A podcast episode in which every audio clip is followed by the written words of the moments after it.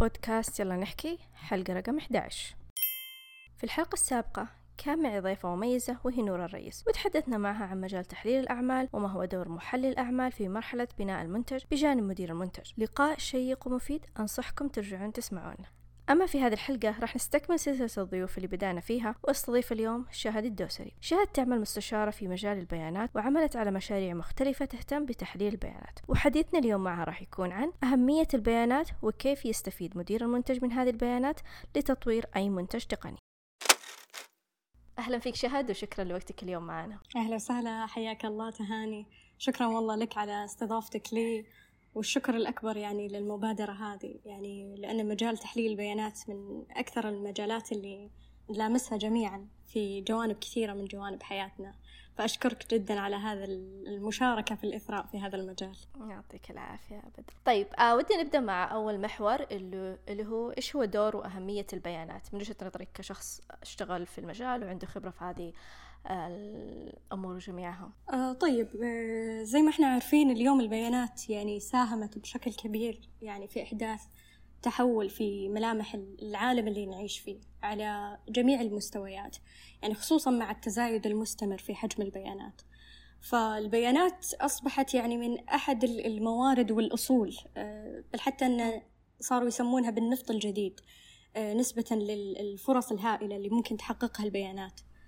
فالبيانات اليوم انتقلت من آه، كونها مصطلح نعتبره تقني إلى آه، كونها قيمة يعني مجتمعية عظيمة أو حتى قيمة مالية. آه، واليوم المملكة يعني صار لها دور محوري في تطوير البيانات والذكاء الاصطناعي. فانتقلت من فكرة الاكتفاء والاستهلاك إلى حتى قيادة ركب التطورات التقنية في عديد من المجالات ومن ضمنها أكيد البيانات. فاليوم المملكة تعتمد على البيانات بشكل رئيسي يعني في اتخاذ القرارات في تحسين جودة الخدمات العامة مثل الصحة والتعليم من خلال مثلا البيانات الحكومية المفتوحة. المملكة أطلقت يعني العديد من المبادرات لتشجيع الابتكار باستخدام البيانات لتمكين الشركات الناشئة من استخدام البيانات في تطوير المنتجات أو الخدمات. وأكيد يعني نذكر دور سدايا في تعزيز الاستخدام الذكي والمبتكر للبيانات. ففي خلال الخمس سنوات السابقة آه، لاحظنا يعني تطور عظيم في تطوير الحلول آه، وتضيف البيانات بشكل رئيسي في اتخاذ القرارات الاستراتيجية. مثلا آه، زي ما إحنا عارفين تطبيق توكلنا منصة إحسان الفعاليات والهاكاثونات للذكاء الاصطناعي القمة العالمية للذكاء الاصطناعي وغيرها من المنتجات والمنصات الوطنية اللي تعتمد على البيانات بشكل رئيسي. بالإضافة إلى عديد يعني من المبادرات الرئيسية اللي كانت بواسطة يعني كيانات مختلفة زي بنك البيانات الوطني اللي يستضيف جميع البيانات الحكومية آه، ويعتبر المصدر الرئيسي للرؤى الحكومية آه، المركز الوطني للذكاء الاصطناعي حتى أنهم اختاروا عدد من المدارس الأهلية لتدريس يعني وحدات الذكاء الاصطناعي بحيث أنها تكون في المناهج الدراسية. وطبعا عديد من من مشاريع مشاريع يعني رؤية 2030 أهمها مثلا مشروع نيوم اللي آه، التارجت حقه أو الهدف إنه يسعى لتسخير قوة البيانات والذكاء الاصطناعي ويدمجها في آه، كل جانب من جوانب حياة المواطن. وهذا كله طبعا يعكس رؤية المملكة في الاستثمار القوي والذكي طبعا آه، في البيانات. حلو. طيب بالنسبة للمنظمات إيش هي أهمية البيانات لها؟ آه طبعا يعني اليوم جميع الجهات يعني آه بلا استثناء تجمع أو تتعامل أو حتى تعالج كميات هائلة من البيانات اللي ممكن أستفيد منها سواء على المستوى الوطني آه كونها يعني أصول وطنية تساهم في النمو الوطني أو حتى لتعزيز المقومات التنافسية. فالمنظمات طبعا لها دور كبير في تحقيق ثقافة تعتمد على البيانات بشكل رئيسي وتدعم هذه الرؤية. آه، وأنا دائما أقول إن البيانات يعني حجر أساس في كل مؤسسة. فلذلك نجد في كل آه، منظمة إدارة متخصصة في تحليل البيانات في ذكاء الأعمال أو الذكاء الاصطناعي بحيث أنها تساهم في اتخاذ القرار تحسين المنتجات والمنصات إظهار مناطق التحسين والفجوات آه، تساعد على إطلاق حملات تسويق ناجحة من خلال مثلا فهمك للعملاء المستفيدين. اكتشاف اتجاهات السوق والفرص الجديدة. آه، فعلى سبيل المثال نقدر نستخدم البيانات مثلا لتحديد المنتجات اللي أكثر استخداما. إيش هي الحملات التسويقية الأكثر فعالية؟ ممكن أستخدم البيانات عشان أحدد مشاكل في ال production phase أو في عملية الإنتاج. آه، إيش المناطق اللي أنا ممكن أخفض فيها التكاليف؟ إيش طرق التحسين مثلا لخدمة العملاء؟ في الخدمات المالية أيضا ممكن أستخدمها لتحديد المخاطر تخفيفها ال money laundering أو آه، غسيل الأموال أو حتى إني أنا أقدر أتنبأ بهذه ال cases. آه، اليوم هيئة المدن الاقتصادية تستخدم تقنيات تجمع صور للبناء معززة ب in real time يعني آه، معززة بتقنيات التحليل المتقدم. وتستخدم هنا لأغراض مراقبة عمليات البناء. آه، تستخدم أيضا لتقدير الموارد المطلوبة للمشاريع. تستخدم في ال construction safety فلذلك يعني العديد من الجهات تستخدم يعني تقنيات التحليل بطرق مختلفة ومبتكرة بشكل يعني يتناسب مع طبيعة عملها. آه فالتحليل هنا يعني يخدم الجهة في معرفة الأداء الحالي. وهذا إحنا ما نسميه بالتحليل الوصفي. آه، بالإضافة على قدرتها على اكتشاف تحديات معينة.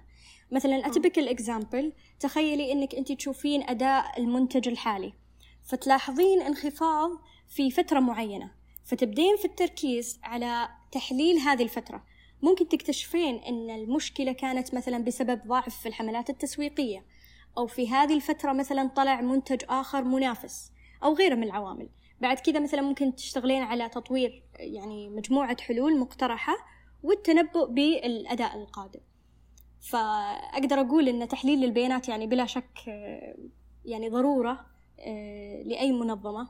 آه، ممكن تعزز قدرتها على استخدام البيانات يعني بشكل ذكي ومبتكر ويعكس على آه، مثلا منفعة ومنفعة ونجاح المنظمة. صحيح، يعني قبل يعني أتوقع أن المنظمات مؤخرا بدأت تتجه بشكل كبير للبيانات وإنها تهتم بالبيانات وانه شلون نستفيد من هذه البيانات. يعني في يعني قبل سنوات آه، كثيرة ما ما ما كنت أشوف فيه صراحة توجه لأنه المنظمات تصير تستخدم البيانات أو توظفها بطريقة صح.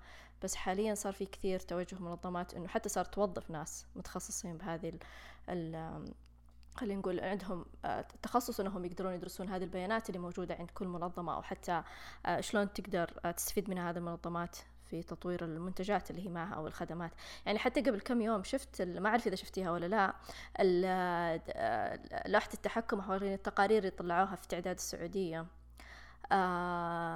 كانت لوحة تحكم أو داشبورد إذا بنسميها كانت جدا جميلة جدا مفصلة. أنا صراحة انبسطت وأنا جالسة أطالع فيها في كمية البيانات قد إيش فصلوا السكان الإيجارات المعيشة. طيب آه تكلمنا عن البيانات بس أتوقع إنه لازم نعرف وش هي اللي هي الطرق أو حتى الأشكال اللي ممكن نوظف البيانات حتى تساعدنا في عملية آه، تطوير المنتجات. آه، طبعا يعني البيانات الآن تلعب يعني دور رئيسي في عملية تطوير المنتجات فهي توفر القاعدة الأساسية لفهم احتياجات العملاء. إيش هي تفضيلاتهم تحليل لسلوكهم آه، سواء قبل أو أثناء تطوير المنتج. فمثلا من أشهر الاستخدامات نقول لتوظيف البيانات هي مثلا لتحسين المنتج وجودته بحيث أنه ممكن يحدد لك إيش المجالات اللي ممكن أحسن فيها المنتج إيش هي الميزات أو الفيتشرز اللي ما ي... لا يتم استخدامها مثلا. آه، أقدر أفهم مستوى رضا العملاء أقدر أركز على مناطق معينة أحدد مشاكل معينة أو النواقص وبالتالي أقدر أحسنها في الإصدارات المستقبلية. بالإضافة إلى أني أنا ممكن أفهمها آه، أو خلينا نقول أستخدمها لفهم احتياجات العميل. يعني على سبيل المثال أقدر أستخدم البيانات آه، على أساس أفهم إيش المميزات اللي مهمة لكل عميل وكيفية استخدامهم للمنتج. فمثلا يحلل لك السلوك التفضيلات الشخصية للعملاء فبالتالي ممكن أنه يؤدي هذا الشيء لتطوير منتجات يعني تلبي احتياجات السوق. وفيما يتعلق في آه، فهم العميل يعني ممكن أذكر لك آه، يعني قصة نجاح في مشروع سابق آه، مع وزارة التجارة. فكانت الفكرة عبارة عن تطوير تحليل يهدف إلى فهم أسباب آه، شطب السجلات التجارية بحيث أن نقدر نفهم إيش هي الأسباب المحتملة اللي تخلي صاحب سجل تجاري آه، يلغي سجله مثلا بعد فترة معينة. فهل الأسباب مثلا متعلقة بمناطق معينة؟ هل متعلقة بنطاقات معينة؟ آه، بهدف تحديد الحلول اللي ممكن تطبيقها لتخفيف هذا ال behavior اللي هو يسمى بال churn أو الانقطاع. فهذا النوع من التحليل اللي هو يسمى بال churn analysis آه، هو غالبا يستخدم لفهم وتحليل العملاء اللي يتركون منتج أو خدمة معينة. فأنا أبدأ هنا أحدد إيش العوامل والأسباب اللي تؤدي إلى انقطاع العملاء. فبالتالي أنا أقدر أتخذ إجراءات آه، للحد من هذا الانقطاع. فال churn هو زي مثلا إلغاء اشتراك آه، توقف مثلا استخدام منتج. أو التحول إلى منتج مثلا أو خدمة منافسة. فأنا هنا أجمع البيانات عن العملاء وسلوكهم. ممكن تكون بيانات مثلا demographic ممكن تكون سجلات استخدام آه، تفاعلات لهذه العملاء معاملات مالية. آه، فتحليل هذه البيانات المجمعة أستخدمها لفهم إيش الأنماط والعوامل المؤثرة اللي تخليه يترك آه، مثلا هذه السيرفيس. فبعد ما أني أنا أحصر هذه العوامل ممكن تكون أسباب اقتصادية ممكن بسبب قنوات التسويقية ممكن بسبب أداء للمنتج ممكن بسبب تجربة مستخدم سيئة أو ممكن بسبب عوامل اجتماعية وغيرها. فالخطوة الأولى هنا أنا فهمت الأسباب. الخطوة اللي بعدها أني أنا أبدأ أطور نماذج أو أنظمة تتوقع هذا الانقطاع. فممكن أستخدم هذه النماذج عشان أحدد مين العملاء اللي most likely أو يحتمل إنهم يقومون مثلا بالانقطاع بالمستقبل. فتقولين most likely إن هذا العميل راح يلغي اشتراكه. فهنا المنظمة آه، تعمل على اتخاذ إجراءات مبكرة عشان تحافظ على هذا العملاء. مثلا ممكن أرجع أتواصل معاهم ممكن آه، أحسن آه، تجربتهم بطرق أخرى ممكن أقدم لهم عروض أو تخفيضات. وهذه كلها من الاستراتيجيات الاحتفاظ بالعملاء. ويمكن هذه الاستراتيجية في أبسط يعني صورها ممكن تشوفينها عند موقع خلينا نقول تستخدمينه بشكل مستمر. بعدين مثلا ممكن تنقطعين فيبدأ على الإيميل مثلا يرسل لك كوبونات خصم أو رسائل مثلا تقول لك بال features الجديدة وهكذا. فكل هذه يعني آه. من آه، الاستخدامات. وممكن يعني أستخدم البيانات بشكل رئيسي في آه، تحسين تجربة المستخدم. يعني إني أنا أوجه لهم مثلا عروض أو توصيات مناسبة. آه، فمثلا لما تتصفحين المنتجات على أمازون يتم يعني في ال back end تحليل بياناتك عشان يقدم لك توصيات مخصصة بناء على تفضيلاتك. بناء على ال views اللي انت تسوينها المنتجات تاريخ مشترياتك السابقة والعديد يعني من العوامل. آه، وخلينا نقول واحدة من يعني success آه، stories اللي سويناها في مع وزارة المالية كانت على نظام اعتماد. فكانت الفكرة أن نطور نظام توصية يستهدف القطاع الخاص بحيث يعمل على توصية المنا... المنافسات المناسبة لتفضيلات القطاع الخاص. فتخيلي أنا كقطاع خاص راح توصلني تنبيهات بالمنافسات اللي أنا ممكن أكون interested فيها بناء على إيش؟ بناء على السجل أو بناء على آه، طبيعة عمل القطاع الخاص. فبدل من البحث اليدوي والجهد المستغرق وهكذا خلاص إنه أنا مجرد ما أشترك في هذه الخدمة راح توصلني تنبيهات آه، بهذه التوصيات. فممكن أستخدم البيانات يعني في استخدامات عديدة ممكن أستخدمها حتى لتحقيق الرضا رضا العملاء بناء على ملاحظاتهم. حتى في نوع يسمى بال sentiment analysis أو تحليل المشاعر ويقصد هنا إنه يحلل لك النص أو ال review إذا كان يحمل مشاعر إيجابية أو سلبية أو حتى محايدة. فالتحليل هذا يصنف لك النصوص إلى فئات يعني مشاعر مختلفة. فمجرد ما يعني خلينا نقول نزل منتج جديد أبدأ أجمع البيانات مثلا من تطبيق التويتر وأبدأ أحلل عشان أعرف ال overall impression عن المنتج. إيش هي الشكاوي المتكررة؟ أبدأ أحلل ال reviews التعليقات. فالمنظمات هنا تستخدم هذه رؤى تحليل المشاعر غالبا لتحسين آه، خدمة العملاء وطبعا أكيد آه، تعزيز سمعة العلامة التجارية. صحيح. يعني أتوقع طرق توظيف البيانات مهما تكلمنا كثيرة. يعني آه، كل ما كان المنتج في بيانات كثيرة كل ما كان تقدر تبدع في عملية إنك تبحث في ال data وتشوف وش المؤشرات أو ال insight اللي ممكن تطلعها من هذه البيانات بما يخدم طبعا المنتج زي ما ذكرتي. ففي النهاية أتوقع أنه حسب إيش التوجه أو خلينا نقول الخطة الاستراتيجية اللي إحنا نحتاج نشتغل عليها. بالتالي نقدر نشتغل نبدأ نشتغل على البيانات. وش ال... وش حتى أهمية أنه إحنا نبغى نرجع للبيانات. وش الأشياء أو المعلومات اللي نبغى نطلعها من هذه البيانات بما يخدم أكيد المنتج اللي موجود في هذه المنظمة. صحيح يعني أعتبر أن هذه مجرد يعني أمثلة قليلة صراحة لاستخدام آه، البيانات في تطوير المنتجات. يعني وأعتقد أن مع استمرار يعني وتزايد وأهمية البيانات آه، راح نشوف يعني طرق مبتكرة أكثر. في تحسين المنتجات والخدمات. إي وأعتقد إنها تختلف الطرق. يعني ما تقدرين تقولين طريقة واحدة هذه الطرق اللي واحد من ثلاثة هذه تقدر تستفيد منها. لا أتوقع إنه يختلف حسب المنتج حسب المنظمة حسب التوجه الاستراتيجي حسب الأهداف بشكل عام. فكل منظمة توظف خلينا نقول البيانات بالطريقة اللي تناسب أهدافها اللي هي حابة تحققها.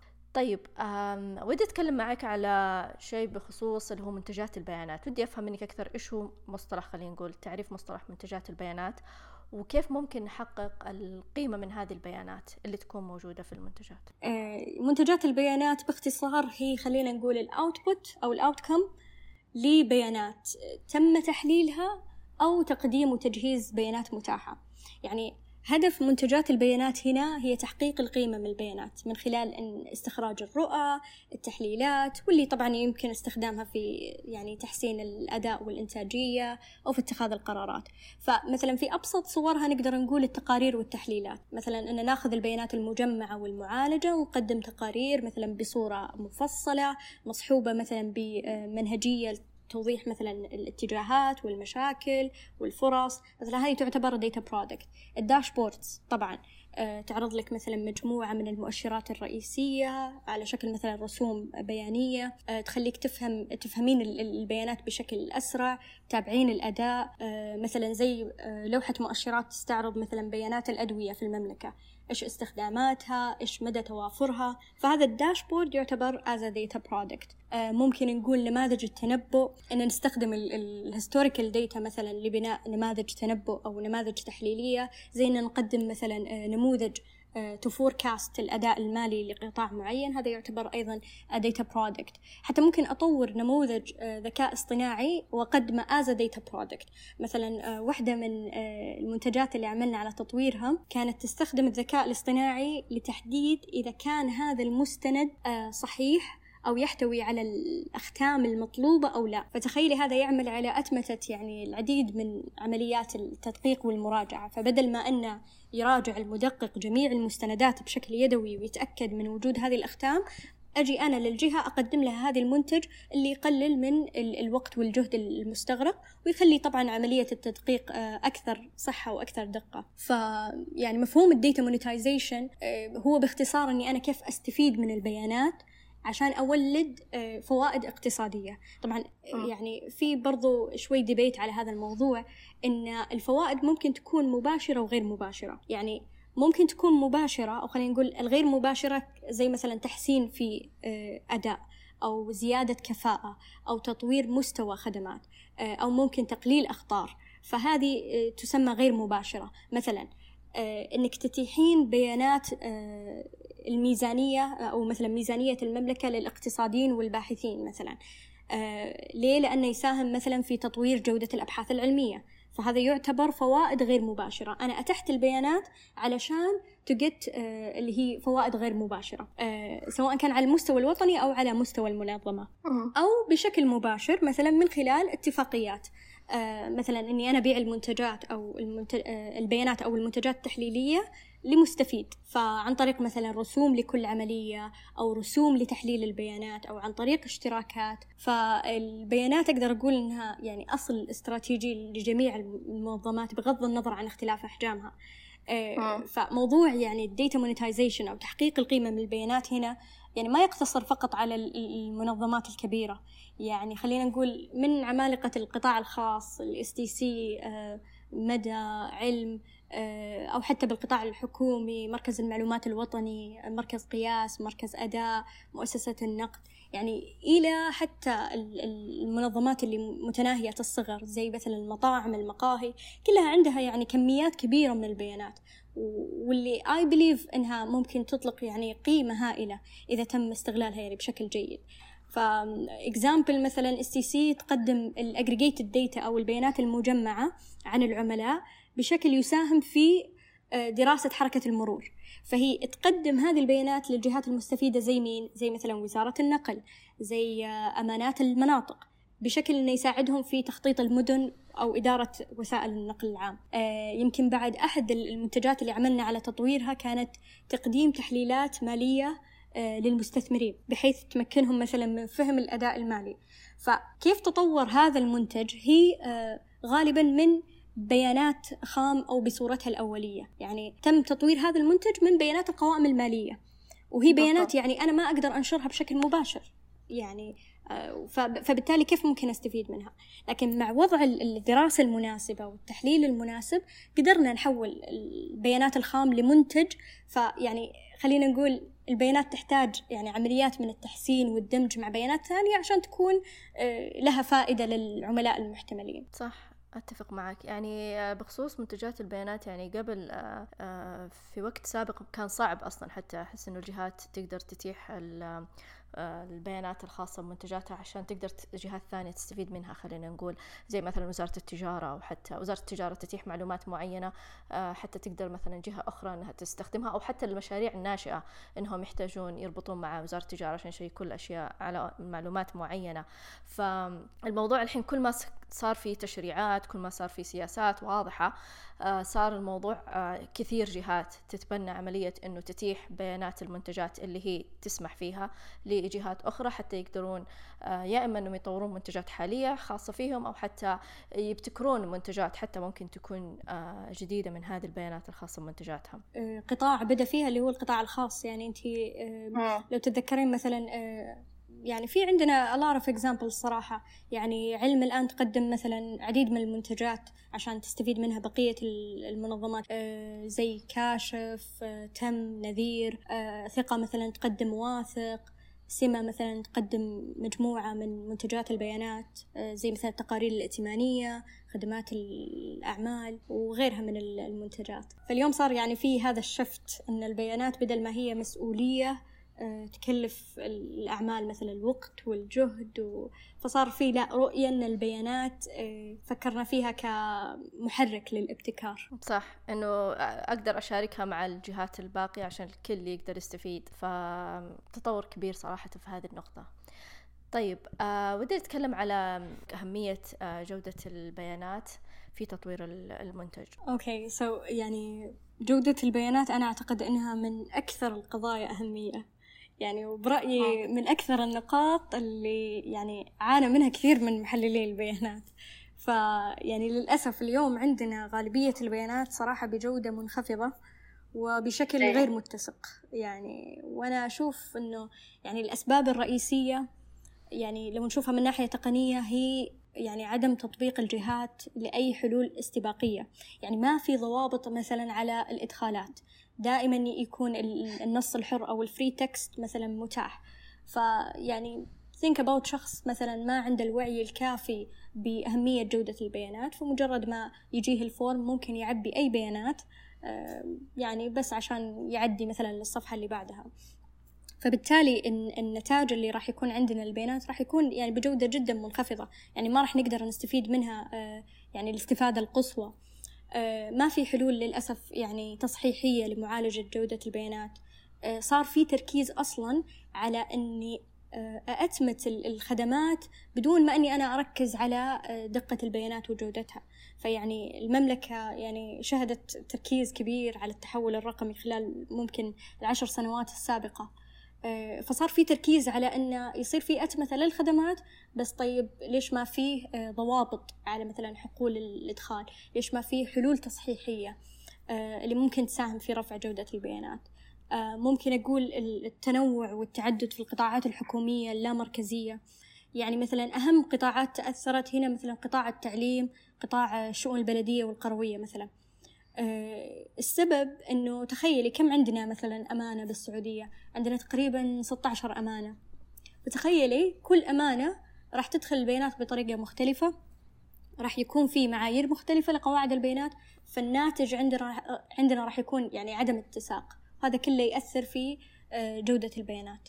فيعني لما أنا أستخدم بيانات جودتها رديئة في تطوير المنتجات آه، ممكن يطلع عندي منتج مثلا غير موثوق. يعني وهذا الشيء طبعا أكيد يسبب في تجربة سيئة للعميل آه، يأثر طبعا على البراند انتيتي مثلا أو سمعة الشركة. آه، ممكن راح يكون في صعوبة حتى في التوافق والتكامل. يعني أنا إذا استخدمت بيانات آه، جودتها رديئة أو غير موحدة أو غير دقيقة يكون صعب علي أني أنا أحقق التوافق والتكامل مع منتجات أخرى. أو ممكن حتى يتطلب مجهود كبير. عشان أنا أخلي البيانات متسقة. آه، أيضا من أهم النقاط اللي هي أن إذا كنت أنا أستخدم هذه البيانات لاتخاذ قرارات مثلا في عملية التطوير للمنتج فبالتالي إذا كانت جودة البيانات أصلا غير دقيقة فبالتالي هذا بيعطيني آه، قرارات آه، خاطئة. وممكن تؤدي إلى أني أنا أطور منتج يكون غير مناسب للسوق أو أنه يكون يعني ما يلبي احتياجات العميل. أيضا يعني أهم نقطة يمكن هذه الديتا أناليست يعني عانوا منها كثير إنه يسبب في يعني زيادة التكاليف. يعني حتى في إحصائية تقول إن 33% من المؤسسات يعني عانت من تأخير في إطلاق الأنظمة بسبب ضعف جودة بياناتها.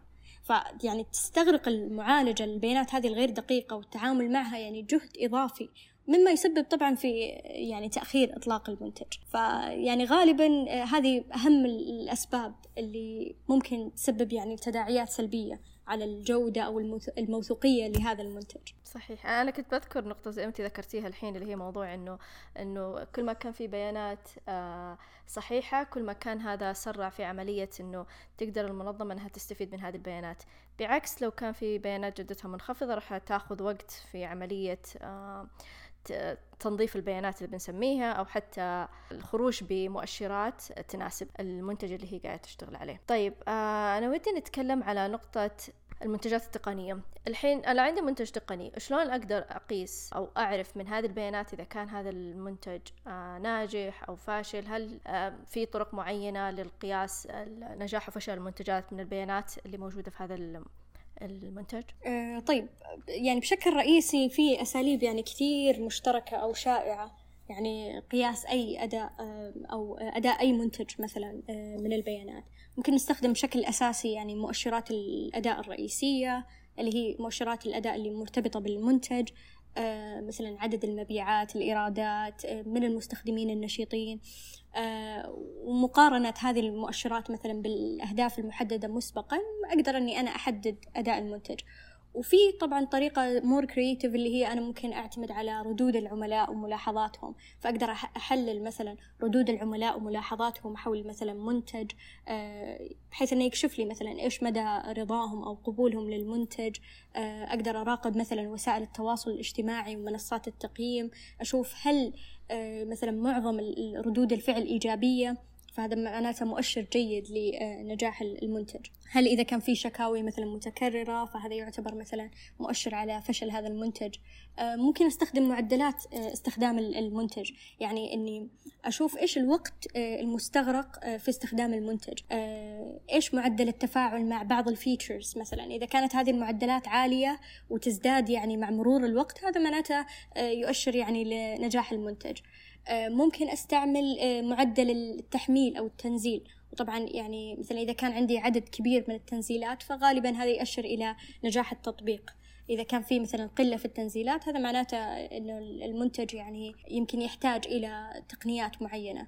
آه، مثل استراتيجيات تسويق أو غيره. ف... وهذه التقنية ترى غالبا مستخدمة من قبل العديد من الجهات. مثلا أنا نشرت بيانات مفتوحة فإذا كانت الجهة حابة تدرس مدى فعالية هذه البيانات المفتوحة المنشورة فغالبا هي تعتمد على إيش؟ عدد ال views عدد ال clicks آه، عدد التحميل and so on. ممكن أيضا أستخدم يعني تفاعل المستخدمين. يعني خليني أقول آه، ممكن أقيس مثلا متوسط وقت الاستخدام عدد الزيارات اليومية الشهرية إيش هو معدل التحويل اللي هو ال conversion rate مثلا من زائر إلى مستخدم فعلي. إذا كانت هذه المقاييس مثلا مرتفعة فمعناته أنها هذا يشير يعني إلى نجاح التطبيق. آه، ممكن حتى زي ما ذكرنا أعتمد على ال retention rate أو هو معدل البقاء. آه، واللي هو يقيس عدد المستخدمين اللي يتركون التطبيق أو المنصة بشكل دائم. مثلا معدل البقاء يقيس لك عدد المستخدمين اللي يستمرون في استخدامها على المدى الطويل.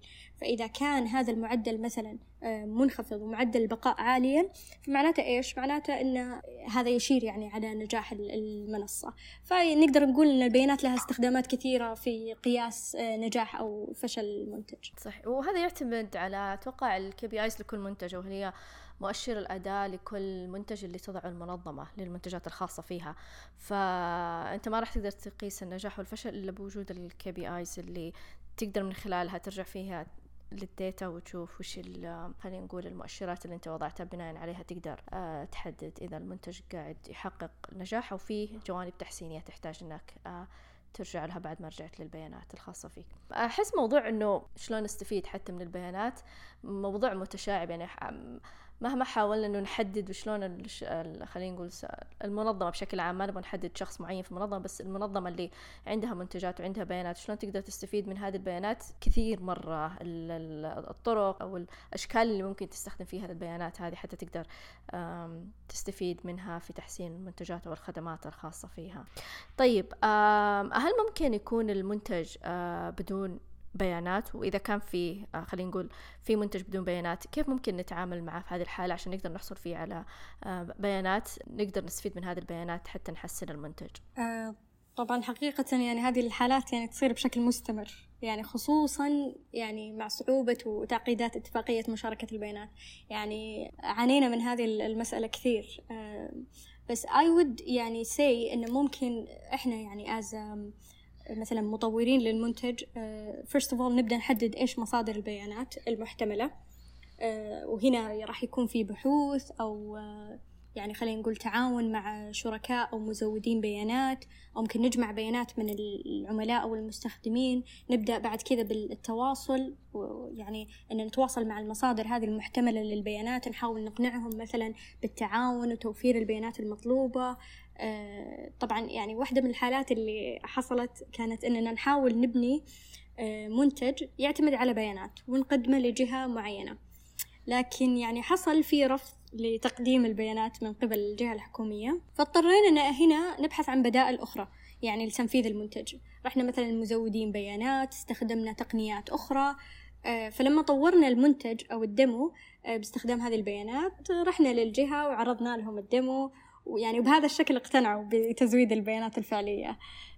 قد يتطلب يعني الحصول على البيانات آه، صراحة جهود إضافية وتعاون يعني مع الأطراف المعنية ممكن أقدم مثلا حوافز أو أشاركهم معلومات بالفوائد استخدام البيانات مثلا لإقناع الطرف الآخر. أو زي ما قلت ممكن إنها بتكون عن طريق مثلا يعني حوافز آه، مادية. آه، وفي حالات أخرى إنه ممكن نستخدم بيانات افتراضية. يعني مثلا نحدد فيها سلوك المستخدمين ممكن نستخدم نماذج الاحتمالات والمحاكاة لتوليد مثلا بيانات افتراضية. ممكن نستخدم هنا الخبرة السابقة لتقدير يعني بعض البيانات. ممكن نستخدم ال surveys طبعا. آه، عشان تجمع لنا البيانات الأساسية. ممكن أراقب وسائل التواصل الاجتماعي وأجمع بعض البيانات. آه، ويمكن واحدة من آه، يعني أهم التقنيات اللي استخدمناها اللي هي ال web scraping أو إن نستخرج البيانات من صفحات الويب بشكل تلقائي. فهنا إحنا نستخدم برامج وأدوات خاصة تسحب لنا البيانات يعني تلقائيا آه، من آه، صفحات الويب. البيانات طبعا اللي متاح آه، مشاركتها. فيعني هنا نحتاج نختار الاستراتيجية المناسبة يعني لجمع البيانات بناء على يعني أهداف التطوير أو بناء على حتى نوع المنتج. وحتى ممكن يكون في منتجات تكون بياناتها حساسة فيكون حتى صعب إنها تشارك أو حتى تشارك مع جهات ثانية. ف... وهي يعتمد على حساسية البيانات. كل ما كانت البيانات مفتوحة وممكن جهات أو منتجات تقدر تستخدمها بيكون موضوع التعامل معها سهل بعكس لما تكون البيانات حساسة بالتالي أنت تحتاج ترجع لتشريعات معينة وسياسات معينة حتى تقدر تستفيد من هذه البيانات في المنتج بما يناسب المنتج أعتقد. طيب إيش هي الاعتبارات المهمة اللي ممكن نستخدمها في توظيف البيانات؟ أه طيب ككي considerations يعني أعتقد إنها يعني الأكثر أهمية هي خصوصية البيانات وحمايتها. يعني أنت لو تلاحظين يعني مع التطور السريع يعني في التقنية أه سهولة الحصول على البيانات زي ما ذكرتي سهولة مشاركتها تتضاعف أيضا يعني أهمية المحافظة على خصوصية البيانات الشخصية. فلذلك حتى يعني على المستوى الدولي ممكن تشوفين أغلب الدول يعني بدأت بتطوير مثلا أنظمة تشريعات المحافظة على البيانات الشخصية. حتى أن مكتب البيانات الوطني يعني عمل على تطوير سياسات لتصنيف البيانات. يعني زي ما ذكرتي قبل شوي آه، أن بناء على سريتها. فسياسة تصنيف البيانات هي تحدد إيش البيانات اللي ممكن مشاركتها واستخدامها وإيش البيانات اللي آه، بيكون مثلا آه، استخدامها مقيد. فهنا هي تحدد إيش أهمية وحساسية هذه البيانات. فالإطار هنا الخاص بتصنيف البيانات يرتبها لك على حسب مستوى يعني مستويات. مثلا سري للغاية أو سري أو مقيد أو عام. فمثلا هل أستخدم المعلومات في مثلا هل يعني هي تسأل سؤال بسيط إنه هل أنا أستخدم هذه المعلومات في هذا المنتج؟ هل إذا أنا كشفت عن هذه المعلومة من خلال استخدامي لها في هذا المنتج هل سيؤدي مثلا إلى ضرر في المصلحة الوطنية؟ زي مثلا خسائر في الموارد الاقتصادية أو مثلا ممكن تشكل لي خطر على العلاقات مع الدول الأخرى أو لها مثلا أثر سلبي على أنشطة الجهات؟ آه، فمثلا الكشف عن هذه المعلومة هل يؤثر على مثلا حدوث ضرر على الجهات؟ هل ممكن تفقد دورها الريادي؟ هل ممكن تخسر أصولها؟ فيتم قياس الأثر يعني حتى على المصلحة الفردية. إنه هل في انتهاك آه، هل في لكشف هذه البيانات مثلا انتهاك الحقوق الفكرية؟ هل سيؤدي مثلا لانتهاك خصوصية الأفراد؟ طب إذا كانت بيانات شخصية هل إذا كانت لشخصية مهمة هنا يكون مستوى الأثر عالي بينما لما يكون لفرد يكون مستوى الأثر أقل. فيعني قانون حماية البيانات الشخصية يعني في المملكة تقول لك إنه لا إن في ضوابط معينة لاستخدام البيانات الشخصية والتعامل معها. والبيانات الشخصية طبعا يعني بشكل أساسي هي البيانات اللي أنا أستخدمها عشان أتعرف على أي شخص. يعني رقم آه، اسمك أرقام التواصل هويتك آه، الصورة الشخصية هذه هي البيانات الشخصية. فأنا لا يمكن أستخدم هذه البيانات من غير يعني متطلب قانوني أو من غير يعني أغراض أمنية. حتى أن فيه يعني غرامات أعتقد تصل إلى خمسة مليون ريال وعواقب ثانية إذا تم مثلا. عدم أو كشف أن فيه عدم امتثال. وطبعا هذا يعني الشيء على مستوى جميع الدول زي ما ذكرت لك. يعني في آه، أمثلة كثير. مثلا فيسبوك تعرضت لغرامة مثلا أعتقد خمسة مليارات آه، لمشاركتها بيانات تخص المستخدمين. أمازون كذلك يعني فرض عليها غرامة. بسبب أنها اخترقت اللائحة العامة لحماية البيانات وخصوصيتها. آه، ف فلذلك أعتقد أنه يعني يجب تطبيق الإجراءات آه، اللي لها علاقة بحماية البيانات الشخصية وحمايتها من الوصول غير المصرح به سواء كان من خلال آه، تقنيات التشفير الانكربشن أيضا لازم أنتبه أني أنا ما أشارك البيانات الشخصية إلا لما يكون عندي موافقة صريحة من الأفراد المعنيين.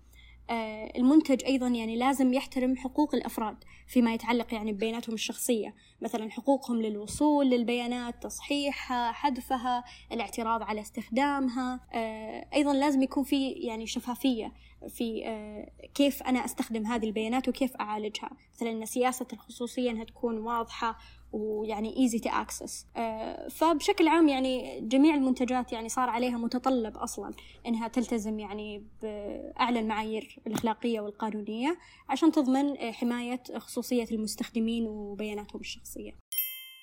طيب آه سؤال أخير في حلقتنا لهذا اليوم. نصيحة أخيرة.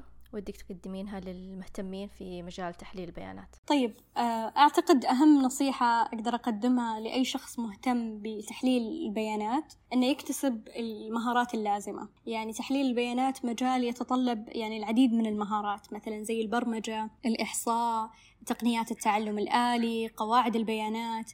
فممكن يعني يحصل على هذه المهارات اللازمة من خلال مثلا دورات تعليمية أو الاستفادة يعني من أي موارد آه، متاحة. بعد كذا يحدد إيش أدوات التحليل اللي تناسب يعني احتياجاته وتفضيلاته الشخصية. ممكن تكون بايثون ممكن تكون R ممكن تابلو آه، ممكن Alteryx والعديد يعني من آه، ال tools المتاحة. to put them into action ضروري إنه يبدأ ب تنفيذ مشاريع تطبيقية عشان أطبق أنا هذه المفاهيم والتقنيات. آه، ممكن تكون مشاريع شخصية ممكن تكون مشاريع أكاديمية ممكن مشاركات في hackathons آه، ممكن حتى إذا كان يعني fresh graduate ممكن إنه يبدأ يعني يبحث عن فرص عمل أو تدريب في مجال آه، تحليل البيانات. ممكن ينضم إلى المجتمعات اللي تتكلم عن بيانات آه، تحليل البيانات أو الذكاء الاصطناعي. وأهم نقطة طبعا اللي هي أنك تكون يعني up to date. ليش؟ لأن يعني مجال تحليل البيانات من أكثر المجالات المتغير والمتطور بشكل مستمر. ف يعني من خلال مثلا حضورك للمؤتمرات العلمية متابعة المقالات الأبحاث آه، يعني راح تشوف إيش الأبديت اللي يصير على التحديثات والاستخدامات المختلفة. فتحليل البيانات يعتبر يعني من أكثر المجالات اللي يتطلب صبر آه، مثابرة لكن بنفس الوقت ممتع. آه، خصوصا أن في كثير من التحديات والفرص اللي راح تواجهك في هذا المجال. يعطيك العافية شهاد. أمانة سعدت بالحوار معك اليوم أثريت الحلقة بمعلوماتك. أتمنى أن المستمعين استفادوا من الحلقة مثل ما استفدت أنا اليوم.